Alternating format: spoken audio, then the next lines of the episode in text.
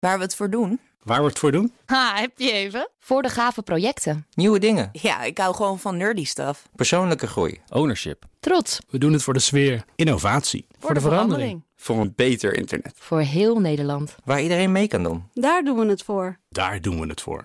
Waar doe jij het voor? Kom werken voor KPN en groei op jouw manier. Check de actuele vacatures op het gebied van data, security, development en networking op jobs.kpn.com/tech. En daarvoor is aangeschoven onze wetenschapsdirecteur Carlijn Meinders. Want de enorme uitbarsting van de vulkaan bij Tonga, daar kan niemand ontgaan zijn, daar gaan we het over hebben. Wetenschappers weten nog lang niet alles over de situatie daar. Maar wat er voor zo'n knal nodig is en wat de gevolgen daarvan zijn, daar valt wel al iets over te zeggen. Carlijn, dit heeft iedereen, ook wetenschappers, verrast, toch? Ja, dit uh, is enorm groot natuurlijk geweest. De uitbarsting vond plaats bij de Tonga-eilanden, een eilandengroep die 800 kilometer ten oosten van Fiji ligt en meer dan 2300 kilometer van Nieuw-Zeeland.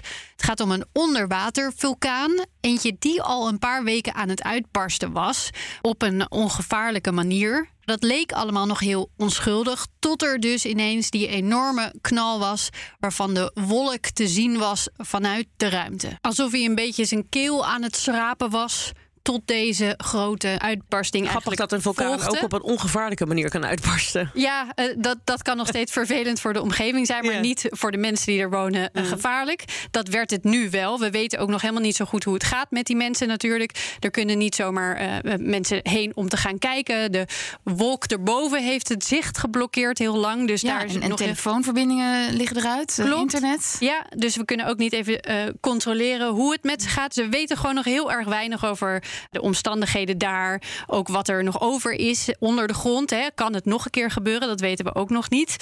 Maar ik ga even een zijweggetje in. Want ik was eigenlijk bezig met een ander verhaal toen dit gebeurde. En de kop daarvan op de Science site was... waarom 536 the worst year to be alive was. Nou, wij vinden dit al best wel een moeilijk jaar... maar er eh, zijn dus blijkbaar veel ergere jaren te noemen. Dat is ook niet echt in mijn uh, periferie liggen, moet ik eerlijk zeggen, hoor. Nee, 536. Het wordt allemaal heel logisch straks. uh, want waarom was dit jaar nou precies uh, zo'n slecht jaar? Nou, allereerst waren Europa, het Midden-Oosten en Azië gehuld in een dikke, donkere, mysterieuze mist, waardoor het dag en nacht donker was. Ach. 18 maanden lang. In de zomer was het gemiddeld 2 graden oh. op dat moment.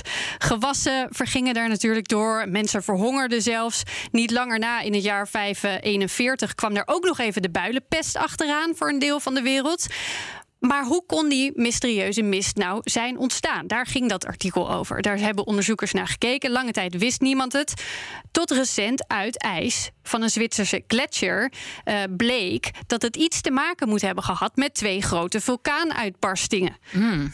Vulkaanuitbarstingen zijn wel vaker gelinkt aan hele koude periodes. In 1816 gebeurde er hetzelfde. In 1991 daalde de temperatuur wereldwijd een paar jaar met een halve graad dankzij de enorme Pinatuba-uitbarsting in de Filipijnen. Ah, hoe, hoe werkt dat dan? Uh, dat, dat komt eigenlijk deeltjes die bij die uitbarsting de atmosfeer ingaan. SO2, zwaveldioxide, gecombineerd met water, vormen die deeltjes druppeltjes die het zonlicht terugkaatsen. Waardoor het donker en daarmee ook kouder kan worden. Toen vroeg ik me natuurlijk ook af: kan dit met Tonga ook gebeuren? Nou zijn er volgens de eerste metingen zit er ongeveer 0,4 teragram zwaveldioxide in de wolk. 400.000 ton als ik het goed heb. Die volgde op deze uitbarsting en die tot op meer dan 20 kilometer hoogte de lucht inging en werd gemeten. En dat alleen is niet genoeg.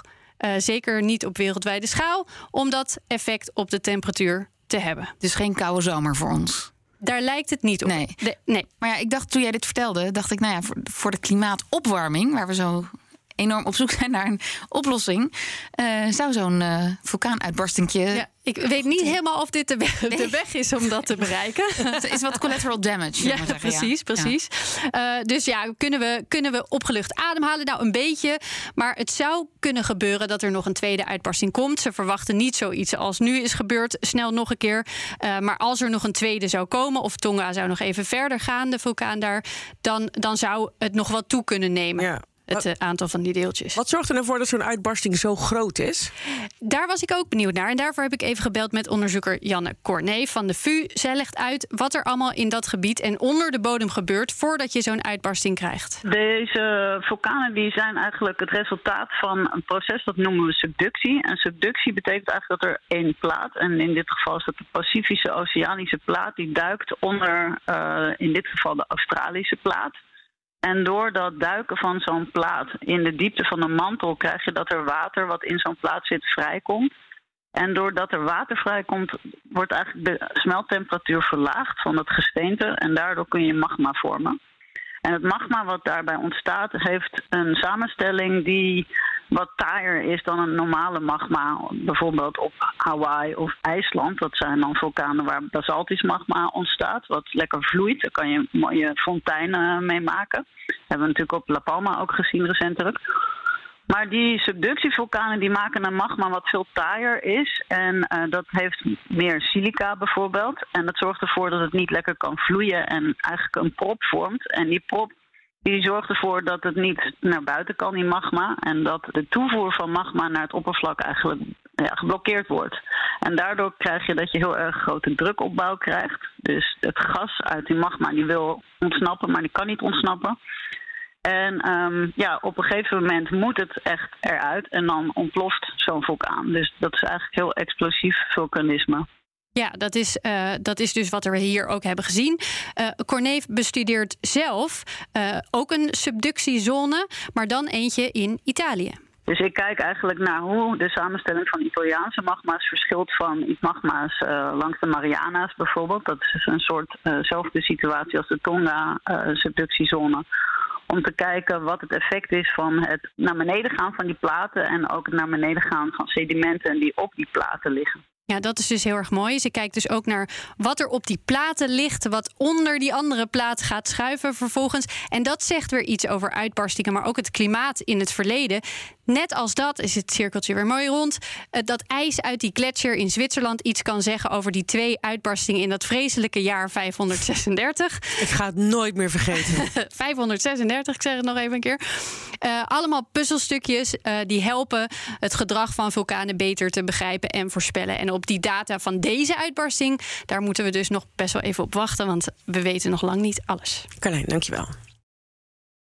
Ook Bas van Werven vind je in de BNR-app. Ja, je kunt live naar mij en Iwan luisteren tijdens de ochtendspits. Je krijgt een melding van Breaking News. En niet alleen onze podcast Ochtendnieuws, maar alle BNR-podcasts vind je in de app. Download nu de gratis BNR-app en blijf scherp.